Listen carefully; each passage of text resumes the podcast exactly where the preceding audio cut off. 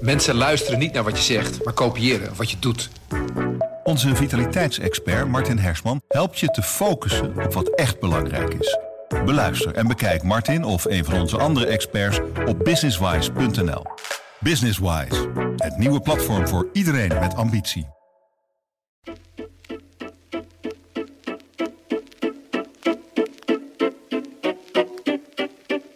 Hallo, dit is Haags Half Uurtje, de politieke podcast van Trouw. Mijn naam is Christophe Smits en dit is de laatste aflevering van Haags Half Uurtje van het jaar, want 2023 staat voor de deur en in deze speciale oudejaarsaflevering ga ik terugblikken op het hele politieke jaar dat we achter de rug hebben met twee kanjers van collega's, namelijk Bart Zuidervaart, eh, chef politiek tot 1 november. Welkom Bart. Dankjewel Christophe.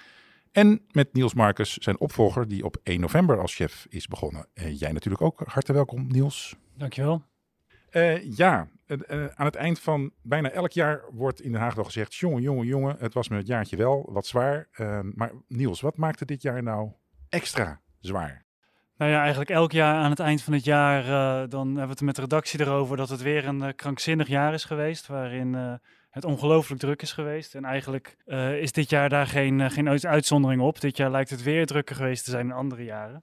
Het zat hem denk ik vooral weer, weer in, de onvoorspel, in de onvoorspelbaarheid. Hè, de crisis uh, die, die buitelden over elkaar heen. te beginnen natuurlijk met de oorlog in Oekraïne die, die losbarstte en eigenlijk alles op losse schroeven zette. Stikstof speelde weer op. er was een energiecrisis als gevolg van die oorlog.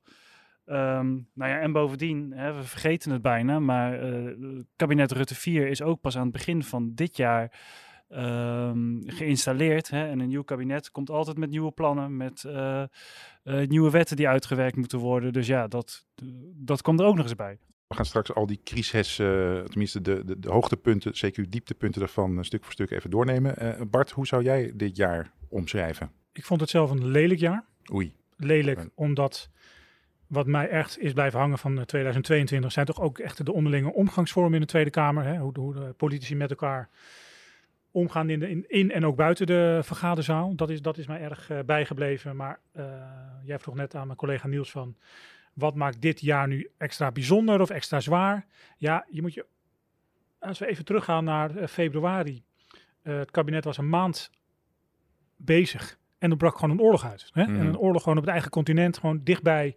Wat gewoon alle plannen, alles overhoop haalde. Wat ook hier zorgde dat iedereen in een crisissfeer uh, uh, uh, kwam. alles wat het kabinet wilde stond opeens ja, op de helling.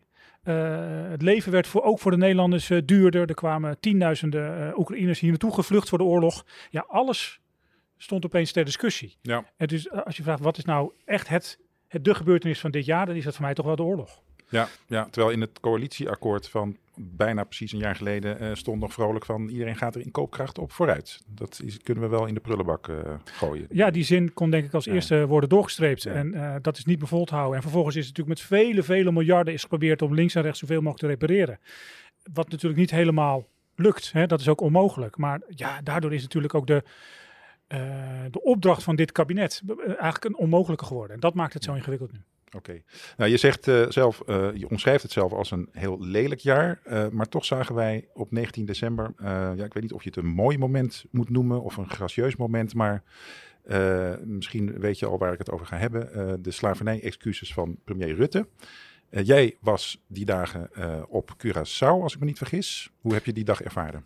Ja, nou, ik was er een week, zowel op Bonaire als een tijd op Curaçao.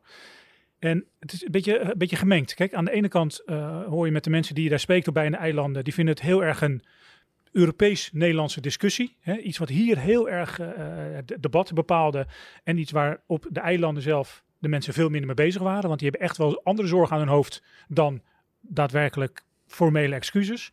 Maar toen het moment daar was, hè, ik was in Willemstad bij een ceremonie met staatssecretaris Van Huffelen, die is verantwoordelijk voor koninkrijksrelaties. Met het kabinet van Curaçao was er, allerlei andere hoogwaardigheidsbekleders, mensen met een bepaalde uh, belangrijke functie. Daar werd de, de toespraak van Rutte vertoond. Daarna uh, was, kwam Van Huffel aan het woord, staatssecretaris. En die legde ook uit van zowel waarom er excuses worden gemaakt nu, maar ook dat uh, bijvoorbeeld Tula, die een, een, een, in 1795 de grote slavenopstand regisseerde en, en, en nou ja, dat dat aanvoerde, dat die in, wordt gerehabiliteerd, in eer wordt gesteld. Uh, en Curaçao had er heel erg behoefte aan dat die man werd gerehabiliteerd. Dat is gebeurd. En toen zag je enorme emotie daar op het eiland. En dat was toch wel een heel uh, heftig moment. Mensen waren in tranen, ze stonden op, ze applaudisseerden. Uh, en voor mij werd toen ook wel heel erg zichtbaar hoe diep, hoe diep die pijn zit. Okay. Dus dat was een bijzonder moment. Oké, dus uh, vooraf uh, werden die excuses niet echt belangrijk gevonden, maar op het moment zelf uh, kreeg dat toch wel zijn eigen dynamiek, als ik goed hoor. Dat kreeg een ontzettende ja. zware lading, zeker. Ja, ja. Ja. Um, en Niels, wij hebben het, de, de, speech van Rutte over de slavernij-excuses hier in Den Haag gevolgd. van tevoren was er heel veel kritiek. De datum was verkeerd en dus, dus verkeerde mensen werden naar Suriname gestuurd. eigenlijk deugde er niks van het plan. Maar toen Rutte eenmaal uitgesproken was, toen trad er een soort eerbiedige stilte in, letterlijk. Want er was ook geen applaus of zo. En hoe, hoe zie jij dat? Waar zat dat kantelpunt precies? En hoe, hoe verklaar je dat? Ja, ik geloof dat eigenlijk achteraf vriend en vijand een beetje verrast was door die, uh, door die excuses en de, en de speech van Rutte. Het is hem toch gelukt om wat hem eerder ook een beetje gelukt was tijdens de coronacrisis, hè, met uh, twee toespraken, waarbij vooral de eerste ook echt wel indruk maakte bij mensen. Is het Uit toch het torentje, toen die fameuze toespraken. Precies, ja. ja. En nou ja, door dat, voor, door de, dat, dat voorspel eigenlijk um, waren de verwachtingen heel laag, maar is het hem toch gelukt om aan te tonen dat hij echt alle kritiek die van tevoren geleefd had. Hè, hij, heeft in het verleden vaak gezegd dat hij geen uh, excuses niet zag zitten omdat het zo lang geleden was en omdat het de polarisatie maar zou aanjagen. Hè, en in de speech liet hij heel duidelijk blijken dat hij. Uh, dat hij het doorleefd had eigenlijk, hè? Dat, dat de slavernij helemaal nog niet zo lang geleden is. En dat, uh, er nog steeds gevolgen zijn in het heden van wat er in het verleden gebeurd is.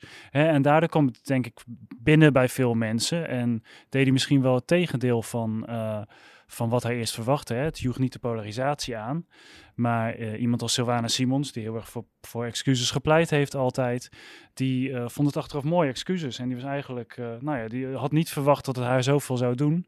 En ook de VVD, hè, Rutte's eigen partij, die zag hiervoor excuses nooit zo zitten. maar ook, nou ja, die partij vond het achteraf, hè, achter de schermen hebben ze altijd wel meegewerkt om die excuses tot stand te brengen. Dat moet je er wel bij zeggen. Hmm. Maar ook de VVD was achteraf zeer te spreken over de manier waarop Rutte die, die excuses maakte. Ja, en je hebt Sylvana Simons uh, geïnterviewd voor de kerstbijlage. Een heel mooi interview was dat. Um, had jij begin dit jaar kunnen verwachten dat zij ooit eens een keer enthousiast zou zijn over premier Rutte? nee, op veel andere momenten in het interview is ze ook uh, alles behalve enthousiast over hem. En ze is zeer kritisch op hem.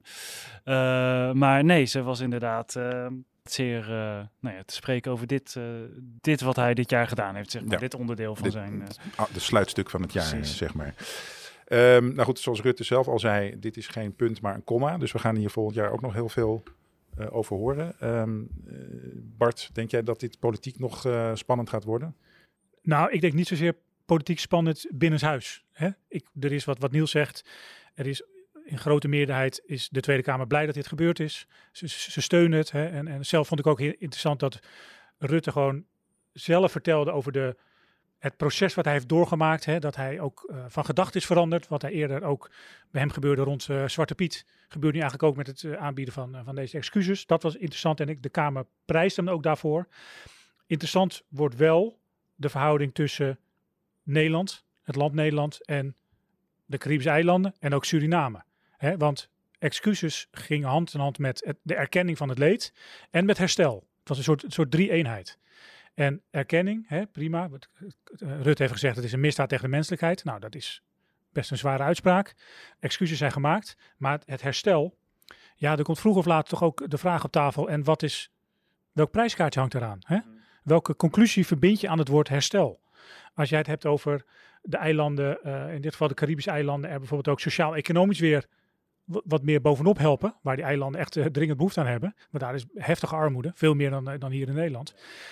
Dan moet iemand dat betalen. En dat kunnen zij zelf niet. Hè. Dus ik voorzie wel dat er binnen nu een jaar, of half jaar, in aanloop naar 1 juli, hè, want dat is dan het, het, het grote moment zelf, dat er echt wel heftige uh, ja, discussies gaan plaatsvinden over. En Nederland leveren jullie ook nu. Ja, ja. maar het gaat dan ook om immateriële dingen. Volgens mij om onderwijs bijvoorbeeld. Want bijvoorbeeld schoolboeken op Bonaire, dat is nog allemaal vanuit Nederland gedacht. Ja, kijk, Bonaire, dat, dat, dat moet ik dan heel even uitleggen. Bonaire is sinds 2010 een. Het heet dan formeel een openbaar lichaam van Nederland. Dat kan je tussen haakjes vergelijken met een gemeente, niet helemaal. Maar het is een soort van gemeente van Nederland. Dus het is Nederlands grondgebied. Dus die Bonaire wordt bestuurd door 13 ministeries in Den Haag. Die sturen die gemeente aan. er wonen 22.000 mensen. Maar dat betekent ook, ook, dat het onderwijssysteem in Nederland wordt bepaald. Met Nederlandse schoolboeken, met docenten die in het Nederlands lesgeven. En die, die schoolboeken worden dus hier samengesteld. Met, met, en, dus hier wordt uitgelegd wat de mensen Bonaire moeten weten. Maar dus niet wat de Bonaireanen zelf zouden moeten weten over hun eigen verleden. Dat is niet iets wat hier in Nederland natuurlijk moet worden opgeschreven, maar het moet daar zelf worden onderzocht, daar zelf worden gedocumenteerd en dat moet worden gedoseerd. En ja, dat, dat moet nog ontstaan. Dat, weet je, dat moet nog groeien. Dus, dus daar, ja, daar ligt wel een belangrijke opdracht voor Nederland. Oké, uh, samenvattend uh, kunnen we wel stellen dat dit het politieke moment van het jaar was? Nou, voor mij absoluut. Ik moet daarbij ook vermelden dat ik zag een soort panelonderzoek van één vandaag uh, voorbij komen. Dat is afgenomen trouwens voordat die excuses formeel zijn gemaakt hoor. Maar uh, daarin werd natuurlijk dat publiek gevraagd van wat was jullie moment? En opeens stond daar, volgens mij ook wel met vrij ruime meerderheid, het feit dat op een gegeven moment het kabinet wegliep uit een debat met de Tweede Kamer, omdat Thierry Baudet daar uh, insinueerde dat Sigrid Kaag op een spionnenopleiding zou hebben gezeten, dus de facto zelf een spion zou zijn. Nou, dat hebben het allemaal meegekregen destijds. Maar dat was voor dat onderzoek, voor, voor dat panel, was dat het politieke moment van dit jaar. Nou ja, dat, dat, dat verbleekt, als je het hebt over wat is nou belangrijk, dat verbleekt bij het aanbieden van deze excuses. Dat, wat, dit was historisch. Oké, op de valreep dus eigenlijk van het jaar.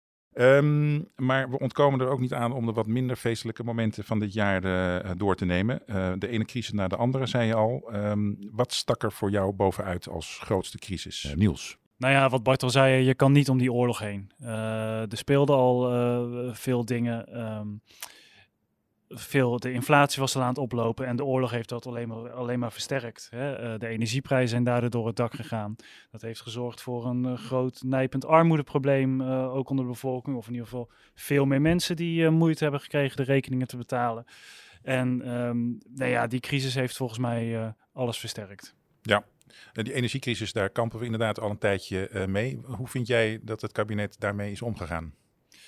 Um, vooral met noodmaatregelen. Hè. Je ziet dat het kabinet veel met stoom en kokend water heeft willen oplossen. Uh, uiteindelijk uh, is er een prijsplafond gekomen. Hè. Dat heeft veel tijd gekost. Maar dat komt niet direct uit koken van het kabinet zelf. Het kabinet was hier zeer lang huiverig uh, voor. Was geloof ik zelfs op de ochtend van Prinsjesdag dat dat doorkwam. Dat, hè? Precies, ja. dat dit uiteindelijk echt ter elfde uur er kwam. En dat was ook nadat het plan eerst van uh, PvdA en GroenLinks kwam. Zij pleit als eerste voor dit prijsplafond. Daarna heeft het kabinet ook ruiterlijk erkend dat dit dankzij die eh, die partijen uh, daar gekomen is. En eigenlijk eh, inderdaad op Prinsjesdag lag te pas. Alleen toen was, stond er nog heel erg veel niet vast hoe er met bepaalde gehandicapten of, of, of, of, chronisch zieke mensen hè, met zware medische apparatuur thuis. Daar moest een uitzondering voor, voor gevonden worden. Voor mensen met stadsverwarming, zogeheten blokverwarming, moest een oplossing voor, gevonden worden. MKB'ers wachten nog steeds op de precieze uitwerking van uh, prijsplafond. Dus zo zie je dat het kabinet echt ook hier in de crisisstand stond. Misschien, ja, dat kan je ze misschien niet, niet eens heel erg verwijten, omdat het ook crisis is. Uh, anderzijds eh, kwam het kabinet hier ook wel laat op gang met, uh, nou ja, met, met oplossingen voor, uh, voor die enorm gestegen prijzen. Volgende crisis die ik eventjes bij de horens wou pakken. Um, boeren die protesteren op de snelweg. Dat lijkt alweer heel lang geleden, maar dat was een beetje het hoogte, CQ dieptepunt van, van die stikstofcrisis. Bart, hoe, hoe kijk jij terug op die periode? Nou, het was natuurlijk maatschappelijk onrustig. Het was, op, bij fronten was het gewelddadig. Het was zorgelijk omdat het gepaard ging met bedreigingen van uh, politici, van uh, een minister die thuis werd opgezocht. Uh, kamerleden die gewoon mensen aan de deur kregen en, en, en met, met, talloze doodsbedreigingen op social media. Het was gewoon echt heel zorgelijk hoe dat ontspoord is. Ja, wordt dus lelijk. het lelijk is eigenlijk, ja. eigenlijk nog, nog heel zwak uitgedrukt van wat hier feitelijk aan de hand was. Dus dat was, dat was gewoon, uh, nou laat ik eigenlijk zeggen, problematisch. Uh, maar dat is het maatschappelijk. Het politieke vond ik, vond ik op een andere reden zorgelijk. De rol van Johan Remkes. Hè, die Remkes werd hier als een soort, nou bijna de Messias werd hier eh, binnengehaald van. Wat, wat deed hij ook alweer precies dit jaar? Nou, hij, Eh, hij werd zeg maar als een relatieve buitenstaander moest hij zeg maar bemiddelen tussen de boze boerengroepen, de, de, de, de, boerenorganisaties en de politiek, het kabinet. En hij moest eigenlijk een beetje de, de rust terugbrengen in, dat, in dit heftige debat. Remke zelf heeft zijn rol opgerekt. Hij heeft zelf eigenlijk de macht gegrepen die hij eigenlijk niet had hoor, maar hij heeft het zelf gecreëerd zodat hij, eh, hij heeft e- eigenlijk gedaan wat hij wilde doen terwijl zijn mandaat was rust terugbrengen. Hij kwam met een, met een, eh, met een eh, rapport met alle aanbevelingen en hij ging. Eh, maar mijn, mijn punt is eigenlijk van de politiek heeft dit uit handen gegeven, heeft het neergelegd bij iemand van buiten. Terwijl het natuurlijk, het is natuurlijk hun politieke rol om dit op te lossen. En Ja. het is ook een zwaktebod om iemand die aan de buitenkant staat, hun, hun, hun, hun eh, probleem op te lossen. Ja. En dat vond ik, eh, nou, dat vond ik om politieke redenen problematisch hier. Maar vervolgens is die politiek, die heeft daar wel iets mee gedaan, toch? Met die aanbevelingen. En eh, Niels, ehm, eh, hebben die Remkes één op één overgenomen? Of hebben ze toch hun eigen koers gevolgd? Nee. Nee, ehm, nou ja, groten, grotendeels wel. Alleen wat grappig was, was dat eh, Remkes tijdens de persconferentie waarin hij eh, zijn advies publiek maakte, zei dat hij, hem, werd, hem, hem werd gevraagd of eh, het kabinet zijn adviezen één op één moest overnemen. En hij zei zoiets van, nee, ik verwacht wel dat het kabinet mijn denklijn integraal overneemt. Ehm, nou ja, dat heeft het kabinet niet gedaan. Maar dat komt misschien ook wel een beetje door Remkes zelf. Hij begon zelf eigenlijk al vanaf dag twee, begon hij al een beetje te morrelen aan zijn eigen advies. Toen ehm, bijvoorbeeld, nou ja, zijn grote, wat hij als alternatief aanbood voor eh, het kabinetsbeleid was het uitkopen van eh 200 had hij het over, grote uitstoters in de buurt van natuurgebieden. Hè? Dus als je dan bij, de, bij die kwetsbare natuur was de gedachte eh, snel wat grote stikstofuitstoters, veelal veehouderijen, uitkoopt, dan, eh, nou ja, dan ben je sneller, help je sneller die natuur erbovenop. Alleen, ehm, nou ja, ik kreeg toch wat lastige vragen over de juridische houdbaarheid hiervan en de lange procedures die, eh, want ja, boeren zouden dit gaan aanvechten. Nou ja, toen begon, zei hij de dag daarna begon hij al een beetje terug te krabbelen. Van nou ja, dat als het vrijwillig kan, hè, als het kabinet het vrijwillig wil doen, dan, eh, nou ja, dan was het ook wel goed. Hè. In uiterste noodzaken zou het dan gedwongen zijn. Ja, en je zag dat het kabinet vervolgens ook in verschillende etappes ook elke keer weer net een andere draai gaf aan het Remkes-advies. Hè. Eh, uiteindelijk wilde het kabinet ook vrijwel alles weer, want dat is eigenlijk de rode lijn in het stikstofbeleid, op basis van vrijwilligheid doen. En ze kwamen op een gegeven moment op een, eh, nou ja, Remkes had het nog over 200 zogeheten piekbelasters. En het kabinet kwam op 600 piekbelasters. Hè. Dus daar zag je dat, nou ja, dat het kabinet daar ook in geschoven heeft en zelf invulling aan is gaan geven. Ja, en, nog, en nog om een andere reden had ik moeite met, met, met wat Remkes hier gedaan heeft. Want op een gegeven moment presenteerde hij zijn aanbevelingen, hè, het, het, nieuwe, nieuwe rapport Remkes. Uit mijn hoofd was dat, eind september. Op zich een interessante bijeenkomst, maar daarin praat hij heel, heel erg de, de boze boer naar de mond. Hij begreep al hun zorgen, hij had alle begrip voor dat dit heel veel onderzorgt onder de boer. Kan ik nog wel eh, mijn bestaan eh, leiden? Kan ik nog wel boer zijn? Allemaal prima tot je dienst. Hè? Maar laten we niet vergeten dat er naast Remkes zat een minister, Christian van der Wal, minister voor stikstof, die thuis is belaagd, bedreigd, die gewoon heel veel narigheid over, eh, over het heen heeft gekregen. Door, natuurlijk een klein groepje, maar toch door een deel van de boze boeren.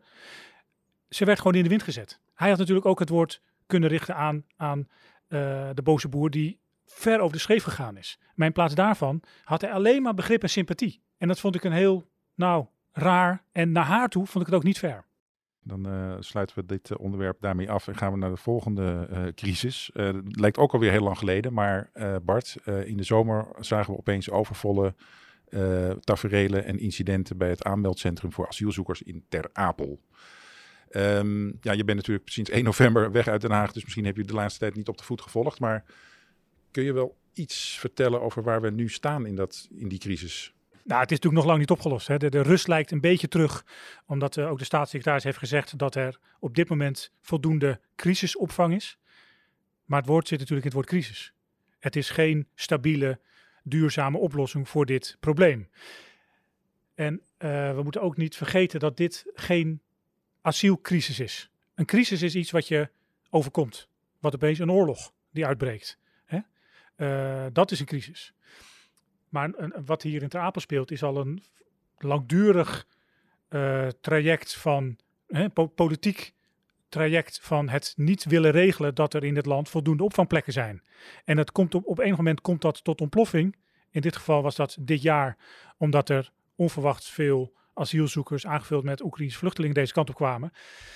Dat het opeens een, eh, een probleem werd. Maar een acute crisis was het niet. Meer was- een soort eh, treinongeluk in slow motion, zoals dat dan eh, heet. Dat was Ja. het. En, en dan sta je opeens voor, de, voor een groot probleem en moet er ad hoc moeten dingen worden opgelost. En dat is het nog steeds niet. Hè? En het ingewikkelde hier is, is dat aan de ene kant wordt er van alles gedaan om voldoende plekken te, te creëren. En ehm, nou ja, de manier van, van, van Rutte om hier een beetje rust terug te brengen op dit hele eh, ingewikkelde beladen politieke dossier was om te beloven dat aan het, om het hele lelijke woord te gebruiken, instroom van asielzoekers. Hè, het woord instroom heb ik trouwens ook een probleem mee, maar goed, eh, van asielzoekers, dat daar iets aan gedaan moet worden. Dat hij wilde er alles aan doen om te zorgen dat er minder mensen deze kant op komen. En dat heeft zeker aan de rechterflank in de Tweede Kamer is dat, eh, is heel erg behoefte aan. Dat heeft de rust een beetje teruggebracht, hè, maar de grote vraag is, hoe wil hij dat gaan doen? Bedoel, Nederland zit ook vast aan allerlei internationale verdragen, aan, aan, aan, aan, wetten, eh, aan, rechten van, van mensen die eh, nou, misschien wel eh, vluchten voor van alles. En die willen hier dan veilig opvang. Hoe ga je dat terugdringen? Hè? Dat is in het verleden niet gelukt. En ik geloof ook niet dat het zomaar in de toekomst gaat lukken. Dus het, dit heeft alles in zich om de komende jaar weer nou, tot enige hectiek eh, Ja. te leiden. Misschien niet, niet alleen in Nederland, maar in heel eh, Europa. Zeker. eh, hoor je al onheilsprofeten die zeggen dat we een nieuwe migratiecrisis over ons heen krijgen straks. Ehm, nou heren, het klinkt allemaal eigenlijk best wel droevig en treurig en deprimerend. Maar we kunnen vast de luisteraar beloven dat we afsluiten straks met iets positiefs. Ehm, maar eerst wilde ik eventjes aan Bart vragen of hij nog wat algemene politieke reflecties heeft als hij terugdenkt aan dit jaar. Ja, je wilt het graag over positieve, leuke dingen hebben, maar dat zit er nu heel even nog niet in. Komt straks. Komt straks. Ehm, al eerder in, in de, eh, spraken we even over de omgangsvormen, de bedreigingen. Kijk, dat is iets wat mij wel is bijgebleven van dit jaar. Hoe dat is ontploft eigenlijk. Ehm, met eh, de man met de fakkel voor de deur bij Sigrid Kaag. Tot eh, andere ministers die met een politiepostje voor, post voor de deur op, achterbleven. Kamerleden die thuis zijn opgezocht. Die soms gewoon eh, ook aan zelfcensuur doen door in bepaalde debatten even het woord niet meer te voeren of een bepaalde motie niet in te dienen. Eh, die, die publieke optredens gaan mijden, omdat ze bang zijn dat ze daardoor te veel even in, in, publiciteit komen en, en weten dat ze daardoor een bakkelenno's heen krijgen. En die ontwikkeling, eh, die is natuurlijk erger geworden in de afgelopen coronajaren, maar dit jaar is het echt, echt, echt erg geworden. Je ziet het ook aan het aantal aangiftes van politici bij politie. En ik zie dat niet zo 1, 2, 3 eh, minder worden. Eh, dus dat is één ding wat mij eh, is bijgebleven van dit jaar. Het andere is eh, dat de Kamer toch ook wel weer heel erg bezig is met zichzelf. Dat is iets wat we natuurlijk elk jaar bij een soort eindejaarsuitzending, aflevering kunnen zeggen. Maar dit jaar misschien wel in het bijzonder. Ik zag het bericht dat de Tweede Kamer dit jaar meer dan 5000 moties indient. Ja, nieuw record, hè, geloof ik. Dat is een nieuw record en dat is tegelijkertijd dan een nieuw dieptepunt. 5000 moties. Waarvan slechts een deel wordt aangenomen. Een deel wordt aangenomen en daar weer een deel van wordt eh, eh, echt uitgevoerd. Dus een, heel groot deel is, ik zou bijna zeggen voor de bühne. Hè, omdat een politicus even een, een goede sier wil maken met een bepaald statement. Ja, dat is, vind ik vrij tragisch, zoveel. De, de, de, de Tweede Kamer kan natuurlijk zijn tijd veel beter eh, besteden dan dit. En een andere kwestie waaruit dat bleek, eh, hè, dat de Kamer toch erg met zichzelf bezig is, is toch de, het conflict rond eh Khadija Ariep. Die eh, toch om hele eh, tragische wijze is vertrokken uit de Tweede Kamer. De vroegere nadat, Kamervoorzitter. precies, Ja. nadat haar functioneren als eh, Tweede Kamer in het verleden ter discussie is komen te staan. Dat wordt onderzocht. Hè. Nou, we kennen allemaal de, de affaire. Dat werd op een gegeven moment ook in de, in de media en de beeldvorming werd dat een, een conflict tussen de vorige Tweede Kamervoorzitter en de huidige Tweede Kamervoorzitter. Vera de- Bergkamp. Vera ja. Bergkamp. Er werd gelekt uit allerlei documenten. En er werd op heel veel, op, eh, met heel veel mensen werden anoniem opgevoerd. eh, Van eh, die zegt lelijk over die en die over dat. Lelijk, je zegt het weer. Ja, dat, is lo- dat wordt lelijk loopt als een rode Ja. draad door deze aflevering. Dus ja, dan denk ik, hoe zou eh, de buitenstaander, de kijker, hè, iemand die NPO eh, politiek volgt, hoe zou die hier naar kijken? Ja, die wordt hier ook niet vrolijk van. Hè? Een land in crisis met, met oorlog, we hebben het allemaal benoemd. En een Tweede Kamer die met zichzelf overhoop ligt. Niels, eh, schiet jij nog iets te binnen wat we nog niet hebben besproken waarvan jij denkt van hé, hey, dat, dat vond ik opvallend. Nou ja, als ik dan toch een uh, positieve noot mag inbrengen in al deze ellende. Heel graag. Um, dan um, merk je wel dat de Kamer wat meer initiatief naar zichzelf aan het toetrekken is. En wat assertief aan het worden is. Hè? Je zag het met het uh, pensioendebatten heeft, het, heeft de Kamer heel veel bijgestuurd naar, naar meer dan 100 uur debat. Um, medische ethiek is niet meer helemaal dichtgemetseld uh, in de coalitie. En daar kan kan, kunnen zowel de Tweede als de Eerste Kamer zelf uh, initiatief innemen. Je ziet het met de coronawet. En zeker ook, nou, dat geldt voor de coronawet en ook voor het prijsplafond waar we het net over hadden. Hè, zie je dat de Kamer echt met initiatieven komt en dat het kabinet daar ook naar luistert. Ook omdat ze voor een deel niet anders kunnen. Um, omdat ze in de Eerste Kamer een meerderheid nodig hebben. En uh, nou ja, daar zijn vooral twee partijen die dat heel handig weten uh, uit te buiten. En dat zijn de PvdA en GroenLinks. Hè, die, het kabinet kan eigenlijk in heel veel, op heel veel plekken niet meer om die partijen heen. En um, nou ja, je ziet dat, uh, dan, nou ja, dat die partijen echt doorhebben dat zij macht hebben in de Eerste Kamer. En daarmee echt dingen voor elkaar krijgen. En ja, je zou eigenlijk hopen dat ook andere partijen dat, nou ja, die handschoen wat meer zouden oppakken. Dus dat er wat meer een soort brede politieke coalitie komt om uh, problemen op te lossen. Dat is eigenlijk, uh, ja. Nou ja, ja, ja, interessant wat Niels zegt, want het is inderdaad iets wat opvalt. En dat, ook omdat je niet moet vergeten dat we vorig jaar hadden wij een zeer moeizame, langdurige kabinetsformatie. Waarbij PvdA en GroenLinks lange tijd meededen om de hoofdprijs. Aanvankelijk, en uiteindelijk hè, zijn ze natuurlijk in de oppositie beland. En daar was de, die, waren, die partijen waren verzuurd. Die waren echt zuur dat ze buiten de boot vielen. Want ze dachten echt dat ze een soort verbond hadden met D66 om mee te gaan regeren. D66 liet ze vallen. En die ging toch uh, over rechts. Uh, PvdA GroenLinks bleef echt teleurgesteld achter. En je zag in, aanvankelijk dat, ze, dat die pijn zo diep zat. Dat ze best wel harde oppositie voerden. Hè, vanaf de zijlijn van nou, uh, de coalitie, co coalitie komt ons maar halen. Weet je wel, wij Mhm. doen even niet meer mee. Veel rancune. Veel rancune. ja. En daar zijn ze toch eigenlijk van teruggekomen. En toch, ik, het lijkt alsof ze zich herpakt hebben. En eh, in het prijsplafond is daar een heel goed voorbeeld van. Het was hun idee. Dat wordt, het kabinet heeft het uite- uiteindelijk omarmd. Eh, we hebben een heel langdurig en interessant debat gehad over de nieuwe pensioenwet. Die hoeven we niet helemaal, helemaal inhoudelijk te gaan ontleden. Maar ehm, die wet is aangepast uiteindelijk op initiatief van PvdA en GroenLinks.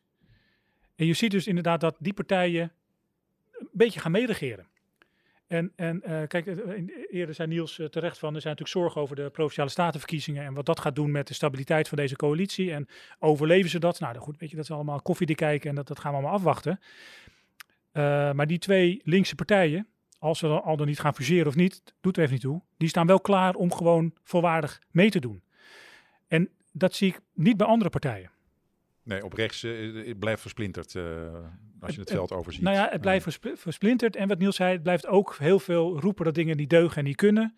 Hè? En eh, een partij als Ja21, die profileert zich heel erg op het veiligheid en op migratie. En het is heel erg het, het, het credo van grenzen dicht en eh, niemand meer het land in. Maar een echte, concrete, werkbare oplossing, die hoor ik daar niet. Ja, je ziet wel dat ze het wel willen bij JA21, maar het lukt ze niet echt om daar een vorm in te vinden waarin ze echt effectief kunnen zijn. Hè? Eh, terwijl ja, met asiel en migratie is er wel, eh, nou dat hoor je altijd hè, in allerlei debatten, en eh, er is een rechtse meerderheid die op asiel en migratie echt wel verdergaand beleid zou kunnen maken. Maar het lukt, ja, nou, er zijn natuurlijk andere coalitiebelangen. Hè? D66 en de ChristenUnie zullen natuurlijk nooit akkoord gaan met, met, met een veel strenger beleid nog. Uh, maar ja, het lukt jaar 21 niet om hier effectief oppositie in te voeren. Ze hebben, het is nog niet gelukt om met initiatieven te komen die breed in de Kamer werden overgenomen. Bart, jij had het al even, je nam het woord fusie in de mond geloof ik, als het over GroenLinks en PvdA ging. Zij gaan ook daadwerkelijk één fractie vormen straks in de Eerste Kamer. Is nog steeds het voornemen. Hoe, hoe kijk jij daar op vooruit? Gaat dat lukken? Ik ga ervan uit dat dat ook daadwerkelijk gaat gebeuren. Dus we krijgen eerst verkiezingen. Dan kan je gewoon als kiezer nog steeds of op de PvdA of op GroenLinks eh, stemmen. Ze zullen ongetwijfeld tot op zekere hoogte gezamenlijk campagne voeren. Maar het zijn blijven gewoon twee partijen. En na afloop heeft de ene, ik noem maar wat, eh, vijf zetels in de Eerste Kamer en de ander vier. Dus we krijgen een één fusiefractie van negen mensen. Dus ik, ik, er is niets waaruit nu blijkt dat het niet doorgaat. Interessant wordt straks, wat als de ene acht zetels krijgt en de ander twee. Hmm. Hè? Dan krijg je een hele rare dynamiek. Dan heb je een hele grote uh, broer, een heel klein zusje. En, dan, en die moeten dan zogenaamd gelijkwaardig samengaan. Dat kan nog wel eens spanning opleveren. Maar als je ze nu, ze, je ziet ze opereren, ook in de Tweede Kamer, dat is, dat is één familie. Die hebben gezamenlijke fractievergaderingen. Ze voeren nam, namens elkaar het woord. Ze dienen namens elkaar moties in. Het is eigenlijk, eigenlijk zijn ze heel veel, zijn ze al samen. Een soort verlovingstijd. Ja, het Ja. enige is natuurlijk waar de achterban, daar zit ook nog wel wat spanning hoor. Dat zijn toch twee bloedgroepen. Som, eh, GroenLinks er waren afhankelijk vier bloedsgroepen zelf, weet je wel. Dus, dus dat, dat kost ook heel veel tijd om dat tot één verbond te smeden. Dus straks gaan de twee weer samen, werkt dat, weet je wel. Levert dat spanning op. Dat, dat wordt afwachten. Maar ik denk dat een, uiteindelijk een echte volwaardige fusie, dat dat onvermijdelijk zal zijn. Oké. Ehm, als ik jullie zo hoor, dan hoor ik toch wel wat positieve noten over eh, constructief eh, landsbestuur. eh, na een aantal jaren van ruzie en, en eh, conflicten. Ehm, klopt die samenvatting of ben ik nu eh, jullie woorden in de mond aan het leggen? Nee, je ziet zeker wel eh, lichtpuntjes. En eh, laten we ook niet vergeten dat we uit een periode komen waarin het parlement echt bijna stil lag. Hè? Ik bedoel, die coronacrisis, eh, we zijn hem al bijna vergeten. Maar ehm, eigenlijk pas sinds begin dit jaar zit er weer een voltallige Tweede Kamer te, te, te debatteren. Hè? En eh, kunnen echt alle debatten weer plaatsvinden. Dat heeft natuurlijk heel lang stilgelegen. Dus op zich is het ook niet zo gek dat na zo'n periode... eh, waarin er ook een lang demissionair kabinet was, een heel lange slepende formatie die ook nog eens heel lelijk was, is het niet gek dat het even duurt voordat dingen zich weer opnieuw gaan zetten en eh, voordat er weer een nieuw soort nou ja, dynamiek en werkbare situatie ontstaat.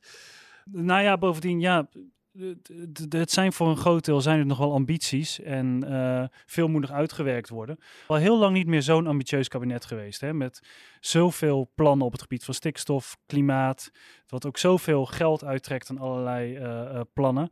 Hè, dus nou ja, je ziet dat dat vorm begint te krijgen. Goed, er moet nog heel erg veel uitgewerkt gaan worden.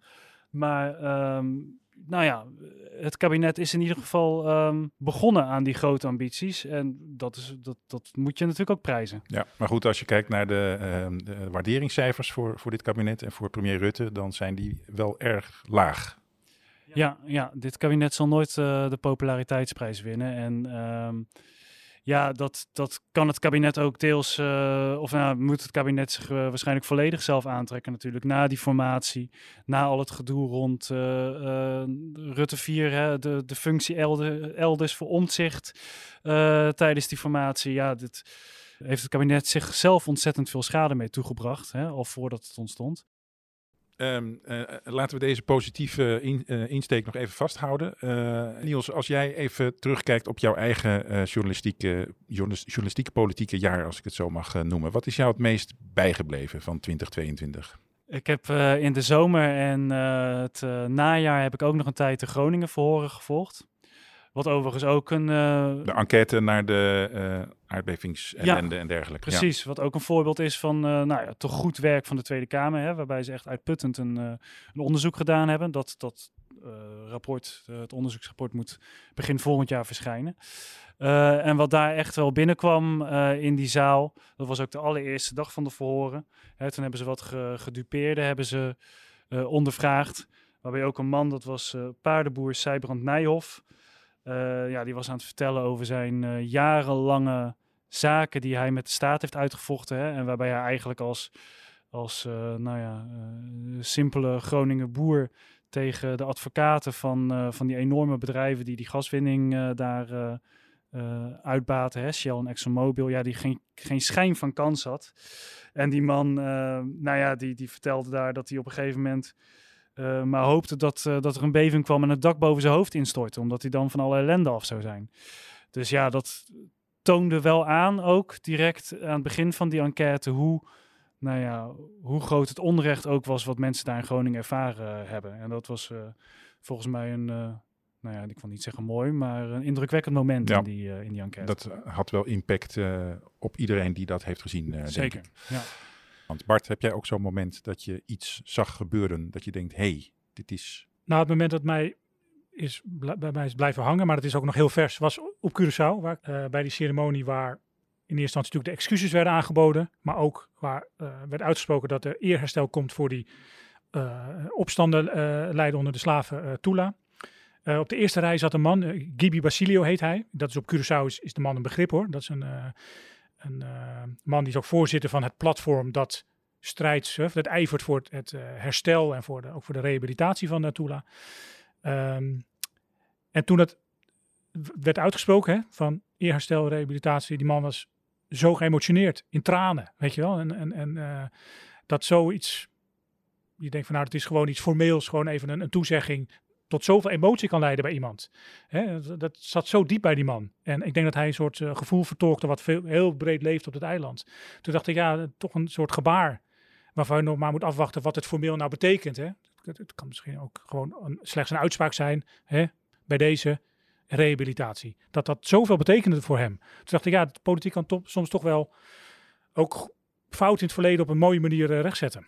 Ja, en voor emotie zorgen kennelijk. Zeker, heel ja. veel emotie was het, ja. Dit lijkt mij een mooi uh, einde van uh, deze aflevering. Uh, Niels, Bart, ontzettend bedankt voor jullie toelichting. Graag gedaan. Graag gedaan. Uh, hopelijk zien we jullie volgend jaar weer uh, in gezondheid en welzijn. Uh, dit was dus Haags Half Uurtje, de politieke podcast van Trouw. Mijn naam is Christophe Smit en deze podcast wordt gemaakt door Hanna van der Wurf. Er staan nog meer podcasts op onze website www.trouw.nl slash podcast. En we hebben een e-mailadres haagshalfuurtje.trouw.nl Wij en de rest van Den Haag gaan even twee weken um, op reces met vakantie. Uh, dus we zijn er de komende twee weken niet, maar half januari pakken we de draad weer op. Dus tot dan en een heel prettige jaarwisseling gewenst en een mooi begin van het nieuwe jaar.